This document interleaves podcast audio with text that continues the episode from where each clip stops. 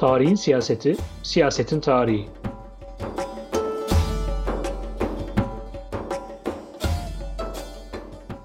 Sekizinci bölüm. Mekanın çevresel tarihi.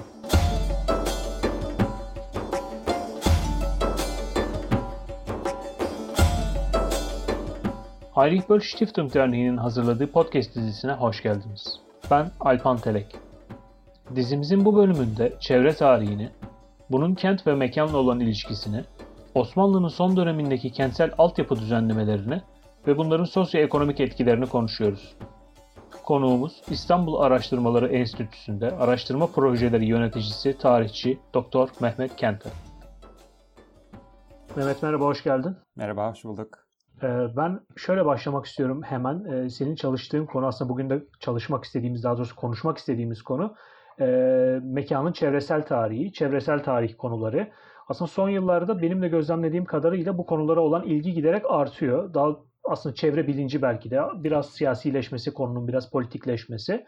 E, tarih bilimi de sanırım biraz e, bu konuyla e, paralel bir zamanda, eş bir zamanda e, o da e, herhalde ilgisini ortaya koyuyor. Fakat çevre tarihi dediğimiz şey e, nedir? Aslında herkesin e, anlayabileceği e, şekilde sen ne dersin? Nasıl özetlersin çevre tarihi meselesini?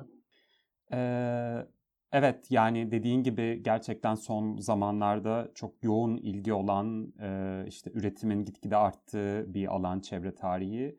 E, Türkiye Osmanlı çalışmalarında özellikle son e, bir 5-10 senede varlığını iyice hissetmeye başladığımız bir alan. Bunun sebeplerine de belki ayrıca değinebiliriz. E, çevre tarihi genel olarak ve çok kabaca e, insanın doğayla olan ilişkilerinin, ilişkilenme biçimlerinin zaman içindeki değişimini konu alan bir alan olarak tanımlanabilir.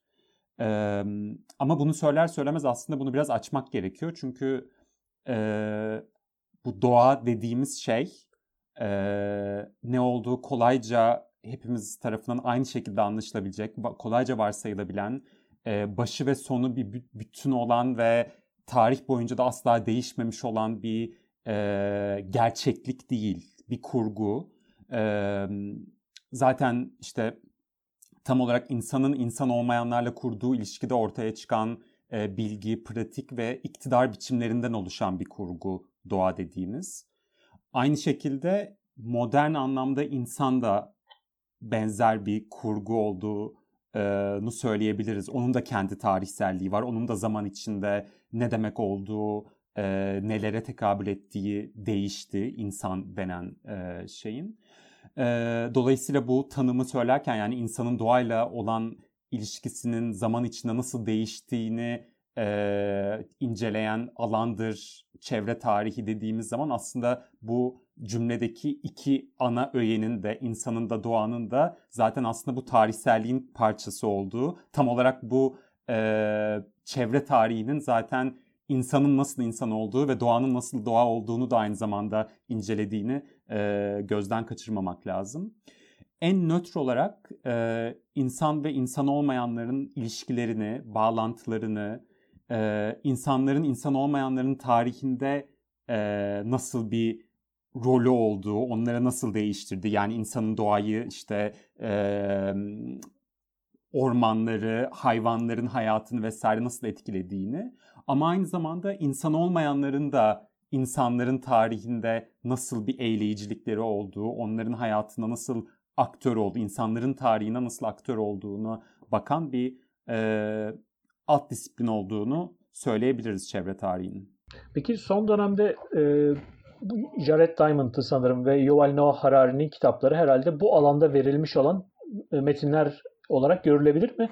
Ya da bu alanın çok temel metinleri e, için ne diyebilirsin? Ee, yani çok sayıda şeyden bahsedilebilir. Ee, evet yani Diamond'ın, Harari'nin kitapları da bu çevresel işte özellikle uzun soluklu insanlık tarihini e, çevre aktörleriyle birlikte e, ele aldıkları açıs almaları açısından bu alanın e, nasıl diyeyim komşuları ya da işte bu alanın e, bir şekilde içinde tarif edilebilirler. E, ama birçok çevre tarihçisi onları e, determinist olmakla, çevre deterministi olmakla da eleştirebilirler. Yani çevre tarihi işte e, tarihçiliğin ve insan toplumlarını anlama çabasının çevresel aktörlere e, de bakmaya başlaması e, bir şey cevabı da getirdi ya da bir e, çevrenin her şeyin üzerinde bir belirleyici olduğunu e, iddia eden bir böyle determinist bir yaklaşım da getirdi. E, iyi çevre tarihçileri dediğim ya da iyi çevre tarihi yapma biçimleri aslında iki tür determinizmden de kaçmaya çalışan e, tarihçiler. Yani e, hem insanın dünyada olup biten her şeyden sorumlu olduğu ve işte e, sadece kendi e, insan toplumlarının içindeki tek aktörün insanlar olduğunu söyleyen e, bir determinizm de aynı şekilde işte e, çevresel faktörlerin ne bileyim iklimin e, vesaire e, ya da işte ge, genlerin e, tek belirleyici olduğunu söyleyen e, bir tür determinizm de e, iki taraftan e, şey kısıtlayıcı bakış açıları. E, yani anahtar metinler, böyle kurucu metinler e, çok fazla sayılabilir. E, benim kendi özellikle ilgilendiğim alan olan kent tarihçiliğinde çevresel yaklaşımlar, işte çevresel kent tarihi e, açısından herhalde en önemli e, metin e, William Cronon'un e, Nature's Metropolis e, kitabıdır. 91'de yayınlanan. E, çünkü bundan önce zaten işte 60'lardan beri özellikle Amerika'da çevre hareketiyle çok iç içe geçmiş bir e, çevre tarihçiliği gelişiyordu zaten. E, ama bu, bu tip o çevre tarihçiliği, bu 60'lardan beri gelişen çevre tarihçiliği genelde kentsel mekanın dışına bakan, işte ormanlara, e, ne bileyim tarımsal üretime, çayırlara ya da işte vahşi doğa tırnak içindeki değişimlere bakan bir e, tarihçilikti büyük ölçüde. E, ama William Cronon ve işte onun gibi başka yazarların etkisi kent tarihçiliğine çevresel soruları e, soktu. İşte aslında kentin nasıl ekolojik bir e, dünya olduğu, içinde nasıl insan olmayanlarla insanların ilişkileriyle kurulan bir mekan olduğu, mekanlar bütün olduğuna e, dair analizler gelişti. E, işte 90'lardan itibaren diyeyim. E, dolayısıyla William Cronon'un o açıdan çok önemli bir e, rolü var. E, ama yani bunun dışında çok daha fazla e, şey sayılabilir tabii. Peki e, biz bu podcast dizisinin başka bölümlerinde de konuşuyoruz aslında. Tarih yazıcılığında yeni eğilimler e, gibi. Tarih yazıcılığını düşündüğümüzde çevresel tarih e, ne gibi e, yaklaşımlar getirebilir ya da getirdi çoktan ne dersin? Ee, yani buna iki türlü cevap vermek mümkün. Ee, ya da iki ayağı olan bir e, cevap vermek mümkün.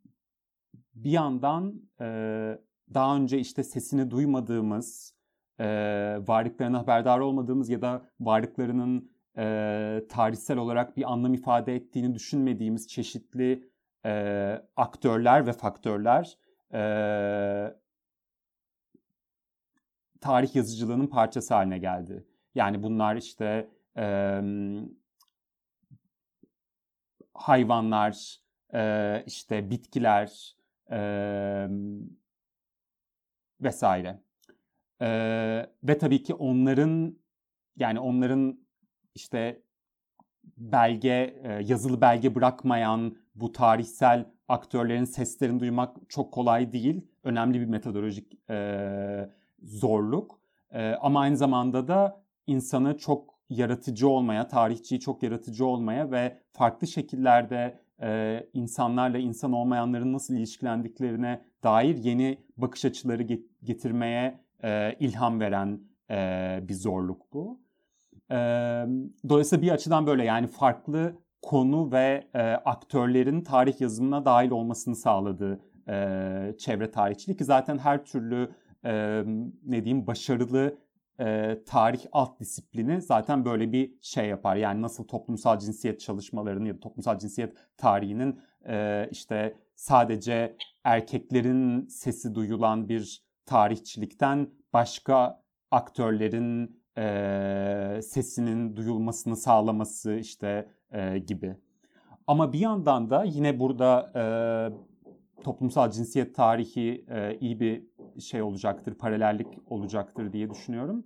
Bir yandan da sadece e, yeni aktörler ve yeni belirleyenler e, dahil etmekle kalmıyor çevre tarihi. E, aynı zamanda bir tarihsel analiz kategorisi olarak da çevresel yaklaşımın e, çok anlamlı olduğunu fark ediyoruz. Burada kafamdaki paralellik e, John Scott'ın 1980'lerde yayınladığı e, çığır açıcı makalesi Gender a Useful Category for Historical Analysis e.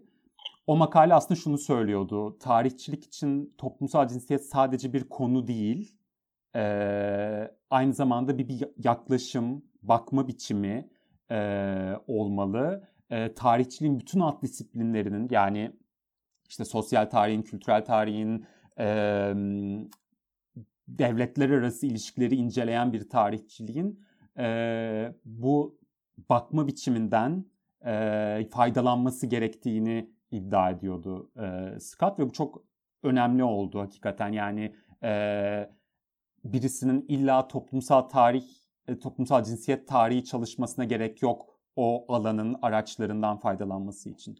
Aynı şekilde bence çevre tarihi de e, işte bitki örtüsü çalışmayan ya da hayvanları çalışmayan ya da işte kent doğasını çalışmayan tarihçiler için bile e, toplumsal, siyasi, kültürel ilişkilerin her birinin e, bir çevre ve insan olmayan boyutu olduğunu e, göstermesi açısından insanların e, birbirleriyle insan olmayanlar üzerinden ilişkilendiklerini yani su, hava, işte ne bileyim fay hattı e, gibi e, dolayısıyla çevre tarihinin metodolojik araçlarının e, zaten e, işte her türlü tarihçi için faydalı ve anlamlı olduğunu e, göstermesi açısından da önemli. Yani bu e, çevre tarihinin şeyleri, e, bulguları ve işte ortaya koydukları e, sadece e, bu alanda çalışan tarihçiler için e, geçerli değil. Çok daha yaygın bir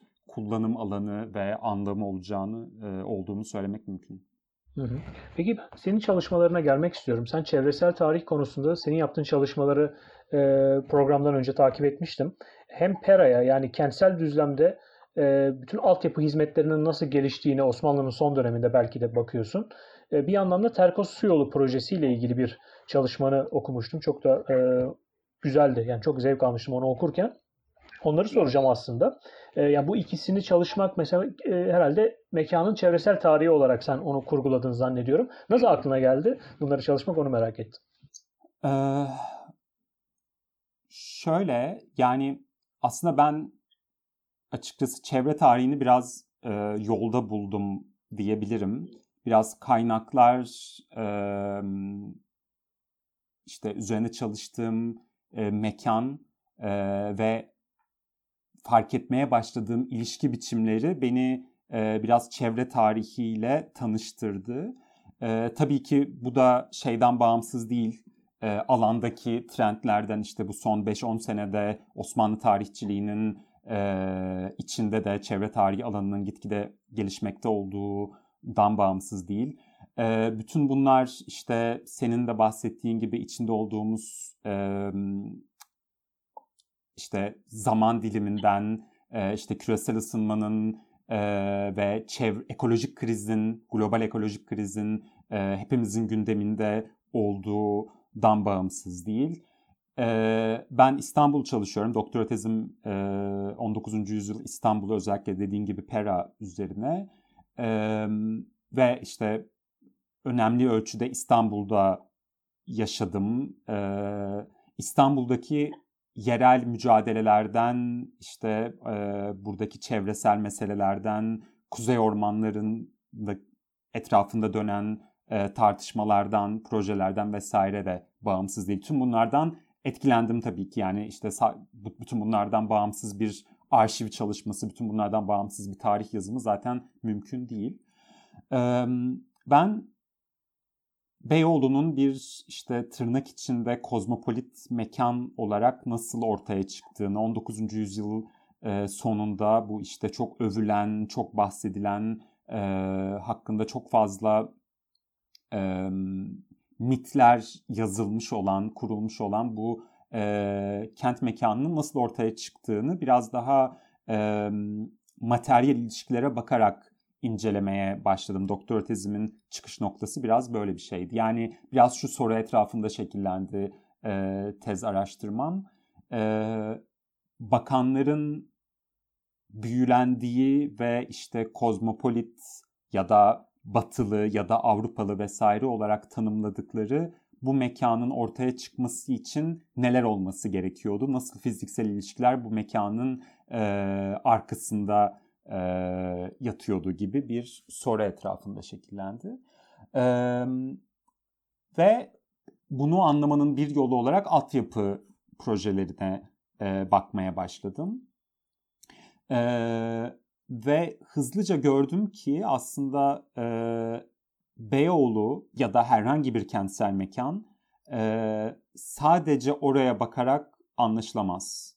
Çünkü sizin işte tarihsel, kültürel ya da idari sınırlarla etrafını çizdiğiniz e, o kentsel mekan fiziksel ilişkiler sayesinde aslında o sınırların dışına e, mahkum, o, o sınırların e, o sınırın dışına bağlı e, ortaya çıkıyor. Yani e, siz istediğiniz kadar işte Pera diye tarihsel bir semt tarif edin ya da Beyoğlu Belediyesi istediği kadar e, Beyoğlu ilçesi diye bir e, sınır, idari sınır tarif etsin. E, sonuç olarak o sınırın dışına bir şekilde eklemleniyor o bölge. Bir şekilde oradan besleniyor. Kaynak or dışarıdan kaynak transfer ediyor ya da dışarıya kaynak gönderiyor. Ee, biraz bunları fark ettim ve aslında tam olarak zaten bu sınırların belirlenmesinin, kentsel e, sınırların e, belirlenmesinin zaten tarihin bir meselesi olduğunu, e, bazı materyal fiziksel müdahalelerle, bazı altyapı müdahaleleriyle bazı sınırların çizildiğini, bizim şu an anladığımız işte Beyoğlu'nun e, Kasımpaşa'dan farkının örneğin işte komşu e, mahallesi olarak söylüyorum. E, Beyoğlu'nun Kasımpaşa'dan farkının zaten çeşitli altyapı müdahaleleriyle keskinleştiğini fark ettim. E, bütün bunlarda karşıma çeşitli çevresel aktörleri, suyu, e, bahçeyi, mezarlığı, çeşitli yeşil alanları ya da işte lağımları ki onun da bir çevresel e, aktör olduğunu e, iddia ediyorum e, tezimde. Bunları karşıma çıkarttı. Dolayısıyla bu kente olan bakış açım bir çevresel e, yaklaşımla beslenmeye başladı tüm bunlar karşıma çıkınca. E, bu aktörler kendi başlarına var olmuyorlar. Bir yerlerden geliyorlar. Dolayısıyla işte Pera'nın suyunun Terkos'tan geldiğini 1880'lerden itibaren ve bunun e, sadece Pera'ya su getirmekle kalmayıp aynı zamanda Terkos'un e, çevresini dönüştürdüğünü e, fark edince bu sefer işte o diğer mekanlar Terkos ya da Pera'nın lağımlarının aktığı Kasımpaşa gibi farklı e, coğrafyalarda e, tezimin parçası oldu. Dolayısıyla çevre tarihi aslında bana bu e, bağlantıları kurmamı e, sağladı. Böyle bir faydası oldu tezime. Peki bir yandan ben e, o çalışmaları okurken şunu da görmüştüm. E, yani çevresel tarih, mekanın çevresel tarih açısından baktığında, baktığımızda e, toplumun içinde yer alan bir takım eşitsizlikleri ortaya da çıkardığını görüyoruz. Mesela Pera ve Terkos yolu projesinde seni böyle çok çarpan, e, çok temel bu, bu şeyler, bu, bu, bu takım şeyler var mıydı? Evet kesinlikle yani zaten aslında biraz e, amacım da biraz bunları ortaya çıkarmak. E, Beyoğlu'nu Beyoğlu yapan şeylerin aslında e, çeşitli gizli kalmış eşitsizlikler olduğunu e, göstermek gibi bir e, amacım da oldu. Yani en başta yola çıkarken niyetim bu değildi belki ama e, karşıma çıkanlar biraz bunun altının özellikle çizilmesi gerektiğini bana e, gösterdi. Şeyi söylemek lazım belki çok kısaca öncesinde. E, yani çevre tarihinin illa bu tip eşitsizlikleri ortaya çıkarma e, misyonu yok ya da daha doğrusu şöyle söyleyeyim her çevre tarihi bunu yapmıyor. E, hatta bazı çevre tarihçilerinin ya da bazı tip çevre tarihi yazımlarının toplumsal eşitsizlikleri ortaya çıkarmak yerine bunları gizlediğini bile e, görebiliriz. İşte ne bileyim Osmanlıların sokak hayvanlarını ne kadar koruyup kolladıklarını anlatan e, güzellemeler de yazılabilir çevre tarihi alanında. E, şeyleri işte o ona içkin olan eşitsizlikleri, farklı pratikleri vesaire görmezseniz ya da bunların altını çizmek çizmeyi tercih etmezsiniz. Dolayısıyla çevre tarihi de zaten kendi başına her şeye muktedir bir alan değil. İşte e, ben de başkaları da ne bileyim Marksist coğrafyadan faydalanıyoruz örneğin bu eşitsizliklerin e, daha iyi anlayabilmek, daha iyi gösterebilmek için. E,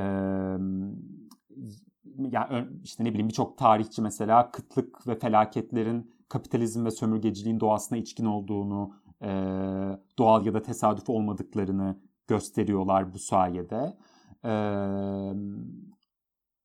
ya da işte e, Actor Network Theory'yi takip eden e, tarihçiler, bunun, o metottan, o teoriden faydalanan tarihçiler e, toplumsal yapı denen kurgunun zaten insan olmayanların sağladıkları bağlantılar sayesinde oluştuğunu e, ve ayakta durduğunu, bizim toplumsal tahayyülümüzün de yine insan olmayanları içerecek şekilde yeniden düşünülmesi gerektiğini iddia ediyorlar. Dolayısıyla böyle farklı açılardan bu eşitsizlikler ya da e, daha önceden görmezden gelinenlerin e, tarih yazımına dahil edilmesi için e, farklı e, şekiller, farklı e, metotlar var. E, herkes aynı şekilde yapmıyor bunu.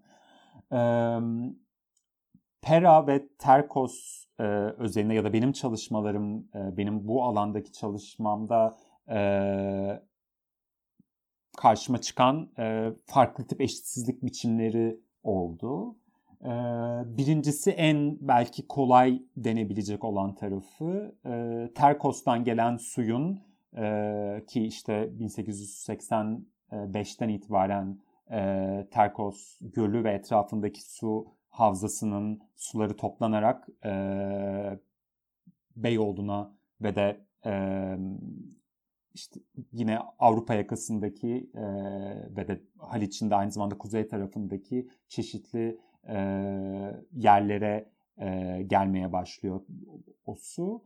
E, bu suyun çok eşitsiz biçimde dağıtıldığını, e, işte Pera'da neredeyse her sokakta e, apartman, yeni apartman binalarından e, erişilebiliyorken, bütün bunlara ayrı ayrı su sağlanmışken, örneğin Kasımpaşa'da e, sadece iki tane e, çeşmeye verildiği ve hiç öyle yaygın bir şekilde bulunamadığı, erişilemediğini e, göstermek daha kolay yapılabilen bir tarafı ya da daha e, kolayca göze çarpan bir tarafı diyeyim daha doğrusu.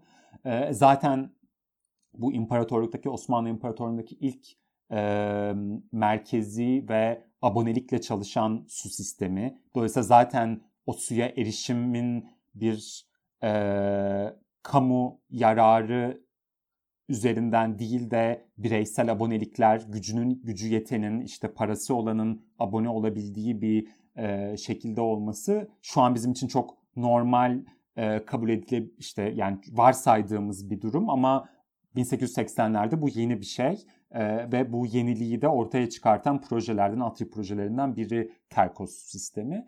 E, dolayısıyla zaten o suyun kullanımında bir eşitsizlik var. Suyu e, tüketen tarafta. Ama beni açıkçası daha da heyecanlandıran e, çalışmamda altını daha da çizmeye çalıştığım tarafı bütün bunların suyu üreten tarafta e, yani Terkos'ta e, nasıl eşitsizlikler yarattığı ki bunun da farklı veçeleri var. E, işte Terkos su yolunun oradaki e, su yataklarını değiştirmesi yüzünden e, susuz kalan köyler var. Suya erişimi çok sınırlanmış olan köylüler var. Onların hayvan, telef olan hayvanları susuzluktan ya da işte kuruyan tarlaları var.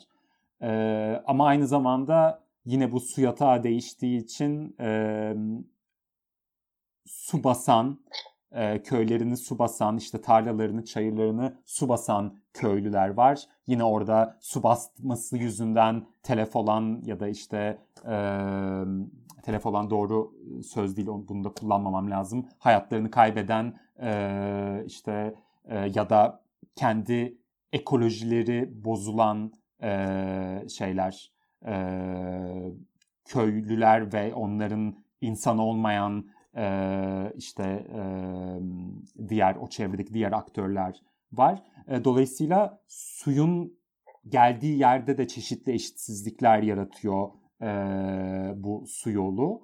E, sonuç olarak çünkü niyet Pera'nın sulanması, Pera'daki buna erişebilen insanların bu suya sahip olması.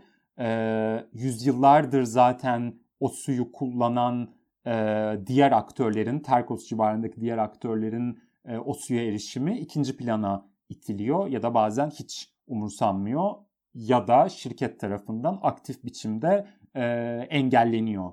E, böyle de bir eşitsizlik yaratılıyor. Daha da öteye gidersek e, Pera'da iyice bollaşan ve günlük tüketime çok daha fazla dahil olan su e, Pera'nın lağım üretimini arttırıyor. E, bu da başka bölgelere e, lağım transferi olarak, atık su transferi olarak başka tür bir eşitsizlik yaratıyor. Burada benim e, tezimde çalıştığım alan Kasımpaşa'ydı. Kasımpaşa'nın nasıl Pera'nın lağımıyla gitgide artan e, atık su üretimiyle nasıl mücadele ettiği, işte e, Kasımpaşa'daki tarlaların e, şeylerin, bostanların bu lağımla nasıl e, çetrefilli bir ilişki içinde oldukları. Çünkü bir yandan zarar verici bir tarafı var ama bir yandan da aslında e, şeyi besleyen, oradaki bostanları besleyen bir gübre tarafı da var o atık suyun. Dolayısıyla böyle çetrefilli e, bir taraf işte yaratılan koku, sağlık riski vesaire tüm bunlar aslında e, yani suya baktığınız zaman siz işte e, Tepebaşı bahçesinde 1885'te bir çeşme, e, anıtsal bir çeşmeyle açılan e, suya bakmaya ve onun arkasındaki bağlantıları görmeye başladığınız zaman işte bir ucunda Terkos'taki o suya erişemeyen ya da e, istemediği kadar çok erişen köylüye götürüyor. Öbür yanda da e, işte Kasımpaşa'da e, Pera'nın yarattığı lağımın kokusuyla e, mücadele eden e, ya da işte bostanını o lağım suyuyla e, sulayan e, Kasımpaşalı'ya götürüyor. E, bunları mümkün kılması açısından önemli buluyorum bu e, çevresel aktörlere, bağlantılara bakmanın. Evet aslında demin sorduğum soruya çok güzel bir cevap oldu herhalde. E, bundan önceki sorduğuma e, mekanın çevresel tarihi yaklaşımı to- özellikle toplumsal eşitsizlikleri anlamada da yepyeni bir perspektif getiriyor gibi. Ben orada şunu da sormak istiyorum. Yani bu son 6-7 yıldır da İstanbul'un kuzey ormanları ile ilgili e, önemli tartışmalar yapıldı. Oralarda işte bir takım projeler e, söz konusu. Ama senin çalışmalarını okuyunca bunun çok daha eski e, bir ta- yani bir tarihi olduğunu da görüyoruz. Özellikle Terkos'tan su getirmek e, e, projesinin e, uluslararası bir konsorsiyum gerektirdiğini sen belirtiyorsun. E, bir yatırım grubu var. Aslında bu direkt Osmanlı'nın kendi mali e, finansıyla yapılamıyor. E, yine bir uluslararası yatırım e, ve işbirliği söz konusu. Ama bir yandan da aşağıda belki Terkos bölgesinde yaşayan köylülerin, öte yandan Pera'daki ve Kasımpaşa'daki insanların belki de çok tepkisini çekiyor. E, az önce bahsettiğin sebeplerden. E, bu böyle bir toplumsal dengesizlik e, o zamanlar nasıl anlaşılıyor? Mesela Terkos'ta yaşayanları e, nasıl etkilemiş olabilir? Ve Kasımpaşa'dakilerin böyle tepkilerine yönelik bir bilgi belge var mı? Ee, evet yani aslında biraz benim bu işte tezimin bu bölümü ve de bunun hakkında yayınladığım makale e, biraz bundan bahsederek başlıyor. Yani e, şeyi düşünmek lazım. E, bu coğrafyalar işte kuzey ormanları ya da e, benim çalışmamda işte Terkos ve etrafı e, tabii ki onların kendi tarihleri var. Orada çeşitli e, yani insanlar ve insan olmayanlar orada kendi tarihlerini yaşıyorlar, kendi ilişkilenme biçimlerini kuruyorlar yüzyıllar boyunca. İktidarlar, farklı iktidarlar tarafından işte Bizans, Osmanlı, Cumhuriyet, e, farklı iktidarlar tarafından o hayata müdahale ediliyor, farklı şekillerde dönüştürülüyor. Yani bu projelerden önce orası güllük gülistanlıktı ya da asla e, hiçbir sorun yoktu falan gibi bir şey tabii ki demem, denemez. Ama şu var, e, kuzey ormanları denen şey e, İstanbul çalışanlar için ya da İstanbul'da yaşayanlar için ya da aktivistler için e, son 10 senede diyelim başka bir şey ifade etmeye başladı. Daha başka tür bir gerçeklik kazandı. Ve bunu yapan şey oraları aynı zamanda tehdit eden projeler. Yani bu projelerden önce kuzey ormanları e, şu an anladığımız kuzey ormanları değildi. Bunu şeyden bahsetmiyorum sadece burada e, fiziki uğradıkları tahribattan bahsetmiyorum. Aynı zamanda bir kurgu olarak kuzey ormanları fikri de biraz varlıklarını onlara zarar veren bu projelere borçlu. Biz bu projeler sayesinde kuzey ormanlarının birçok farklı yerini biliyoruz, birçok farklı yerini keşfettik. Sanatçılar, işte aktivistler e, ve de proje yapan mühendisler vesaire oraları başka türlü kurguladı ve başka türlü anlatma biçimleri geliştirdi. E, ve kuzey ormanları biraz bu sayede oluştu. E, aynı şey ya da benzer bir şey 19. yüzyılda e, yine bu coğrafyalar için geçerli. Pera'daki susuzluk, Pera'nın asla çözülemeyen su sorunu işte e, Terkos gibi İstanbul'un çeperindeki birçok farklı yeri, birçok farklı su kaynağını İstanbulluların, kentlilerin e, hayal dünyasına soktu. Onların e, İstanbul'a İstanbul konusunda kafalarındaki hayali haritanın parçası kıldı. Dolayısıyla bu projeler, bu tartışmalar aynı zamanda mekanları bu açılardan da tırnak içinde inşa ediyorlar, tırnak içinde yapıyorlar. Çünkü bize bir tür oraya bakma biçimi veriyorlar. Biz o bakma biçimini benimsiyoruz, reddediyoruz, itiraz ediyoruz, işte e, siyaset yapıyoruz, başka türlü bakalım falan diye ama bütün bunlar o e, zihnimizde bir gerçeklik yaratıyor kuzey ormanlarına dair ya da işte diğer çeperlerdeki diğer coğrafyalara e, dair. E, 19. yüzyılda işte bu Terkos e, etrafındaki e, gerçekleşen projelere Terkos köylüleri, Terkos'taki farklı köylerin, Terkos coğrafyasındaki farklı köylerin e, köylerinin ciddi itirazları oluyor ve bu itirazları biz Osmanlı arşivlerinde e, dilekçeler, yazılmış dilekçeler, arzuhaller üzerinden takip edebiliyoruz. Üstelik e, oldukça etkileyici biçimde e, köyler bir araya gelip e, yani sadece tek bir köydeki tek bir kişinin yazdığı arzuhal değil birçok farklı e, köyün temsilcilerinin bir araya gelip beraber yazdıkları, e, beraber imzaladıkları, mühür bastıkları arzuhallerin olduğunu ve bu arzuallerde işte şirketin e, politikalarının işte oradaki topografyayı değiştiren müdahalelerinin kendilerini nasıl etkilediğini, işte bu sulara erişimleri olmazsa e,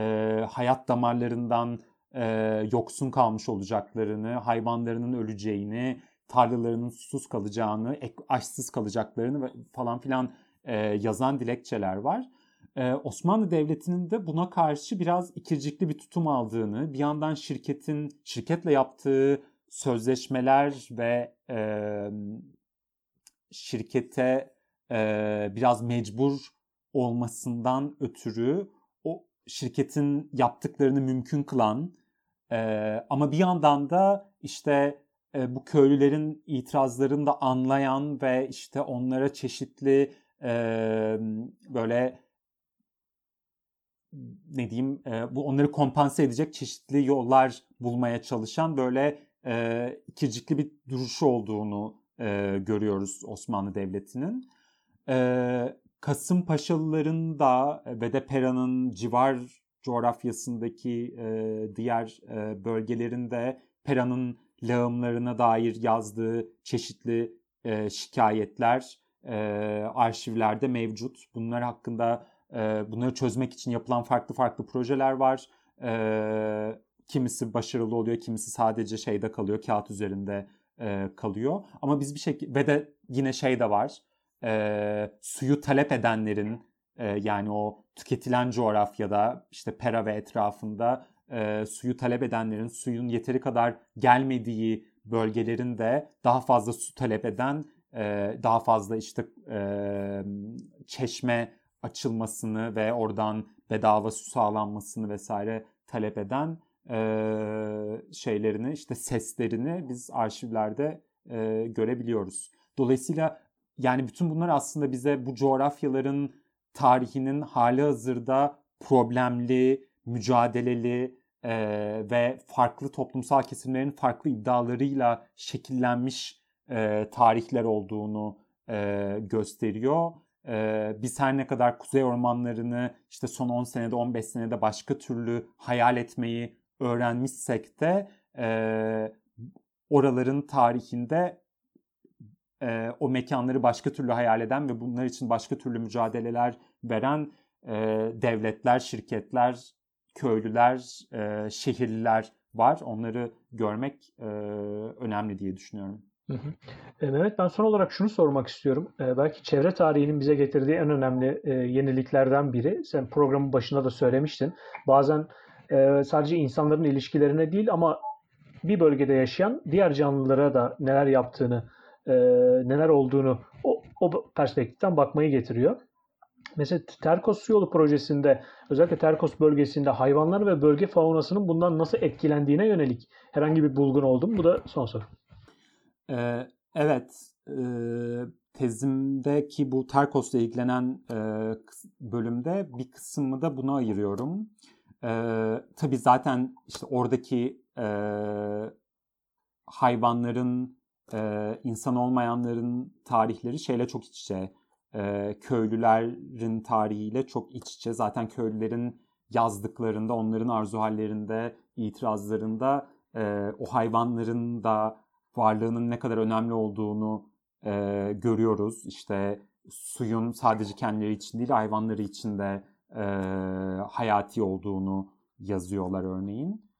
E, spesifik olarak şöyle birkaç tane şeyden bahsedilebilir e, dedim ya bu coğrafya e, kentliler tarafından keşfediliyor ve biraz yaratılıyor o e, dönemde. E, bu yaratma biçimlerinden bir tanesi örneğin oranın bir yani Terkos'un bu su yoluyla beraber işte mühendislerin, uluslararası şirket çalışanlarının, devlet görevlilerinin çok daha fazla gidip gelmeye başladıkları bir yer olmasıyla orası bir böyle doğal alan olarak keşfediliyor. İşte kentlinin gidip e, gezebileceği, işte e, kentin yoğunluğundan, pisliğinden, e, sıkıntılarından e, arınıp e, rahatlayabileceği bir yer olarak e, hayal edilmeye başlıyor ve e, işte bunun bir parçası avcılığın e, çok yaygınlaşması e, bu alan, bu coğrafyada 19. yüzyılda şeyle e, su projesiyle beraber özellikle işte yabancı elçilik çalışanları, Pera'da bulunan işte şirket çalışanları vesaire böyle bu tip bir avcılığın e, en büyük müdavimleri haline geliyorlar. İşte Terkos ve Karaburun'da çok fazla bıldırcın e, bulunuyor mesela. Orada bıldırcın geçişleri çok fazla. E, onlar çok böyle e, şey bir böyle kıymetli bir av hayvanı olarak e, avlanmaya ve pera gibi farklı yerlerde tüketilmeye başlanıyor.